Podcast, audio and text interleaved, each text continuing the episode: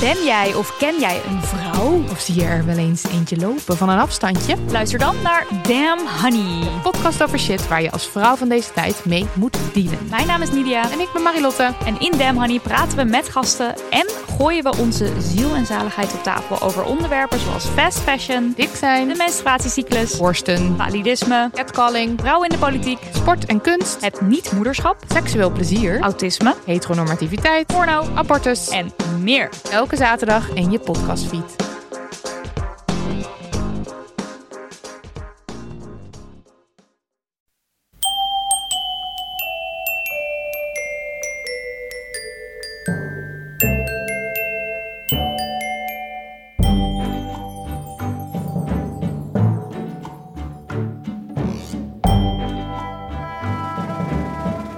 Welkom bij aflevering 319 van Echt Gebeurd, de podcast waarin mensen hun eigen waargebeurde verhalen vertellen. In deze aflevering een verhaal dat Maarten Westerveen in mei 2019 vertelde tijdens onze verhalenmiddag rond het thema dieren.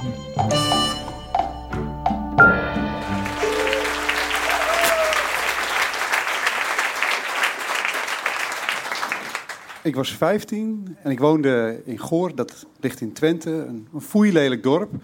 Maar dat maakt het goed door heel veel mooie natuur om zich heen te hebben. Dat kwam mij goed uit, want ik woonde wel in Goor, maar ik was diep, diep alleen. Ik had, eh, een, had een middelbare school, die was een uur verderop. En alle jongens waar ik zogezegd verplicht bevriend, mee was, die hielden van vechten, zuipen en meisjes. En er waren drie dingen waar ik helemaal niks mee kon op dat moment. Ehm, het zuipen, ik ben en was een mietje, dus de, dat, dat zag ik niet zitten. Vechten, dat was precies dezelfde reden. En meisjes, eh, daar had ik alleen thuiservaring mee. Want ik had drie zusjes, die allemaal jonger waren. En die allemaal wanhopig graag een stoere grote broer wouden hebben.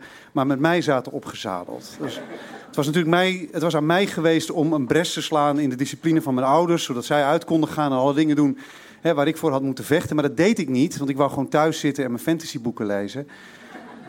Dus zij moesten dit allemaal doen. En om mij daarvoor te laten boeten, wisselden ze eindeloze hoeveelheden verhalen uit over jongens op hun scholen.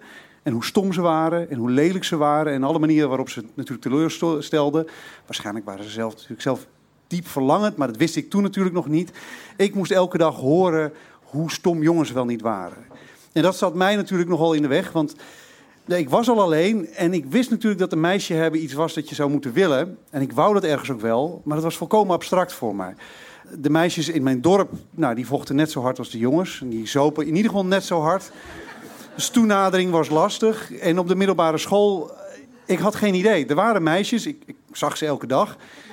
Maar hoe je daarmee om moest gaan, daar had ik geen idee van. En ik weet nog wel dat, dat ja, de dingen waar ik me dan aan vasthield, dat was de, ja, dat was de cultuur die ik tot me nam. En er waren heel veel Errol Flynn films, dat zijn die, hè? dus die Robin Hood met die mooie snor zo, hè? die dan vechtend de, de, de trappen op, zo hè? de harten van zijn vrouw wint. En de Disney films die ik samen met mijn zusjes keek. En daarin offerden mannen zich altijd op. En dat was eigenlijk dan de doorbraak die dan de romance forceerde. Dus in mijn ogen was dat toch wel de sleutel tot, tot, tot nou ja, het romantisch geluk. Ik moest mij in een levensgevaarlijke situatie zien te bevinden. En uh, voor mij de meest, meest indrukwekkende was toch wel uh, in uh, The Lion King. Waar op een gegeven moment de vader van Simba... dat, is, dat is een klein leeuwtje op dat moment nog. En hij wordt gered door zijn vader. En die vader die redt hem van een kudde gnoes. En terwijl hij dat doet, stort hij zelf naar zijn dood. Ik vond dat fantastisch mooi. Ik heb die film, ik weet niet hoe vaak gezien. En elke keer weer, ik denk zelfs nu moet ik zorgen dat een deel van mijn hoofd hier bij de microfoon blijft. Want anders ga ik weer denken aan die scène. En ongetwijfeld dat ik vol ga schieten. Dus we gaan verder. Um, maar die scène maakte diepe indruk. En goed, het probleem is natuurlijk, waar kom je genoes tegen? Waar zijn de trappen waar je met een zwaard kan vechten? Nergens. Dus ik bleef maagd en heel, heel erg alleen. En op, een, op één week op mijn middelbare school gingen we naar Frankrijk, naar Brest. En in de bus, ja, je werd, ik, ik had Frans gekozen. Geen van mijn andere vrienden hadden Frans gekozen. Dus ik zat in een wildvreemde groep. En daar zat ik opeens naast Hanna. En Hanna, die, die zat met me opgescheept die hele rit. En die praatte met me. En, en nou ja, dat, ja, ze moest ook wel. Wat moest ze dan? En die week ging voorbij en eh, telkens zaten we weer naast elkaar, we praten weer. En toen dacht ik, oké, dat, is, dat is dan dat. En toen op de week daarop ging ik weer zitten tijdens de pauze. En toen sprak ze me aan. Nou, dat was me nog nooit overkomen. Dat een meisje dat niet verplicht was om met me rond te hangen, met me bleef praten. Dat was uh, volkomen nieuw. En ik wist ook niet wat ik ermee moest doen. Behalve dat dit alleen maar kon betekenen dat dit iets kon betekenen. En Hanna, uh, ik had natuurlijk al in al die films had ik misschien wel een beeld gevormd, maar dat was zo abstract dat ik niet meteen dat op Hanna toepaste. En Hanna, dat was echt de, echte bio-adel. Dus ze, was, ze had van die pluizige ja, truien en dan van die dat pluizig, heel sterk blond haar, dat dan ook niet in een één knot gevat kon worden. Dat, dat wou maar losbreken. Hele blozende konen. En alles kon je zien, die was al gewoon vijf generatie Natura winkel uitbater. Dat waren hele, heel heel, heel gezond. Uh, en ik, je ziet me nu vandaag op een iets getintere dag. Dus voor mij, ik, mijn, mijn Bela Lugosi-imitatie, uh, ik word al wat bleker. Maar goed, zij was, zij was echt een, een heel gezond, fris meisje. En ze leek totaal niet het probleem te zien van met mij praten. En Hanna zat bij de NJN. En de NJN, dat is, een, dat is, de, eh, dat is de Nederlandse Jonge Natuurvorsers. Of nu heet het volgens de Vereniging voor de Jonge Natuuronderzoekers. Ik ben de naam weer kwijt. Het is een lange tijd geleden. Maar goed, daar zat ze bij. En zij gingen elk weekend de natuur in. En daar gingen ze dan de natuur in. Ik wist niet precies wat dat betekende, maar ze deed het. En of ik mee wou. Nou, ik ging al de natuur in. Want eh, als ik niet in Goor was, dan ging ik het liefst zelf vast die bossen in. Dus ik dacht, van, ah, daar ben ik dol op. Dit vind ik mooi. Dus ik ga nu naar mijn mensen toe. Nou, het kwam goed uit. De NJN had een kamp. Wou ik mee. Ik haat kampen, dat kon ik weten, want ik ben ooit op de padvinderij geweest. Maar ik dacht, nee, nu moet je gaan. Nu moet je een, een, een daad stellen. En uh, ik ging mee naar dat kamp.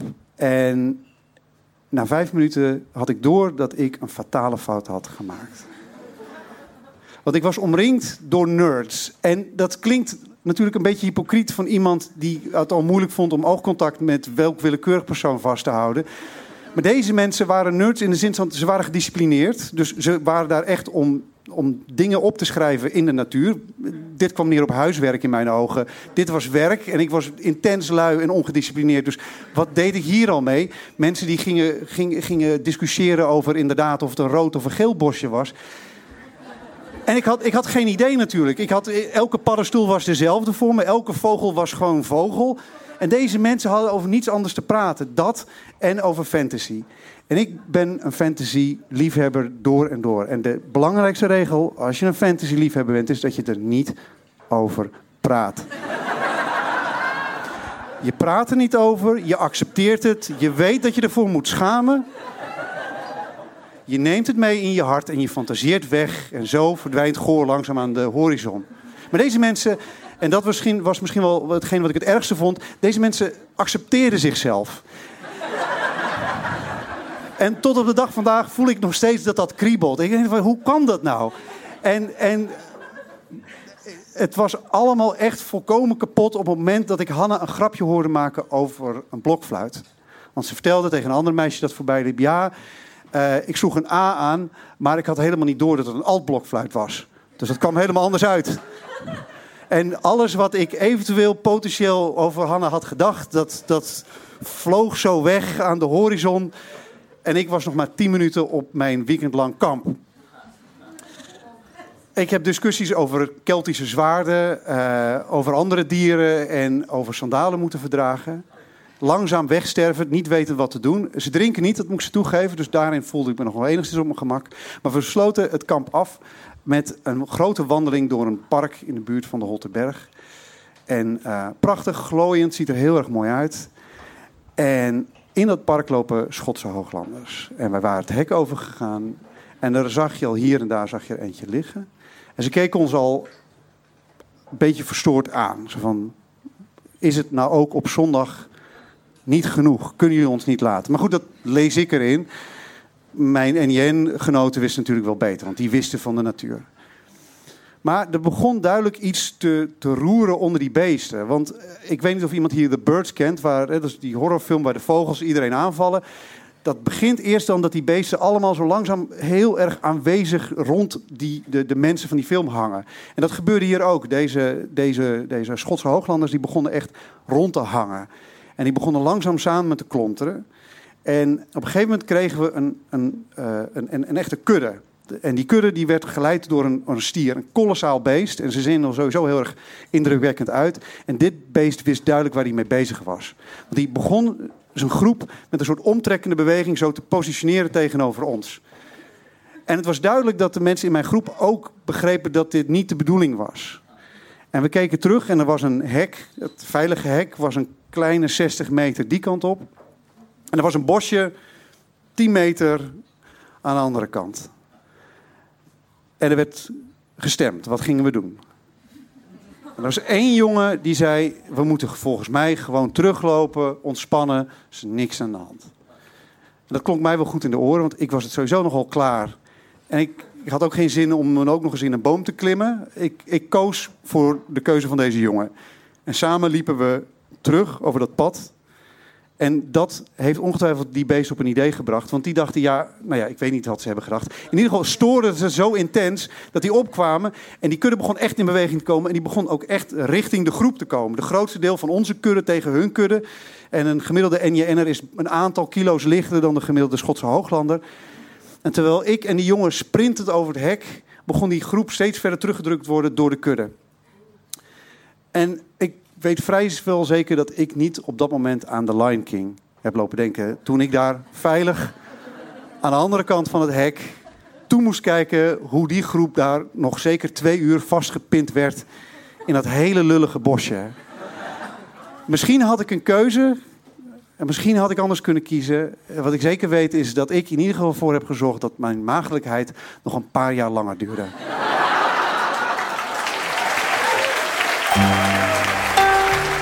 Dat was een verhaal van Maarten Westerveen. Maarten maakt deel uit van de redactie van Echt Gebeurd en vertelt regelmatig zelf een verhaal tijdens onze verhalenmiddagen.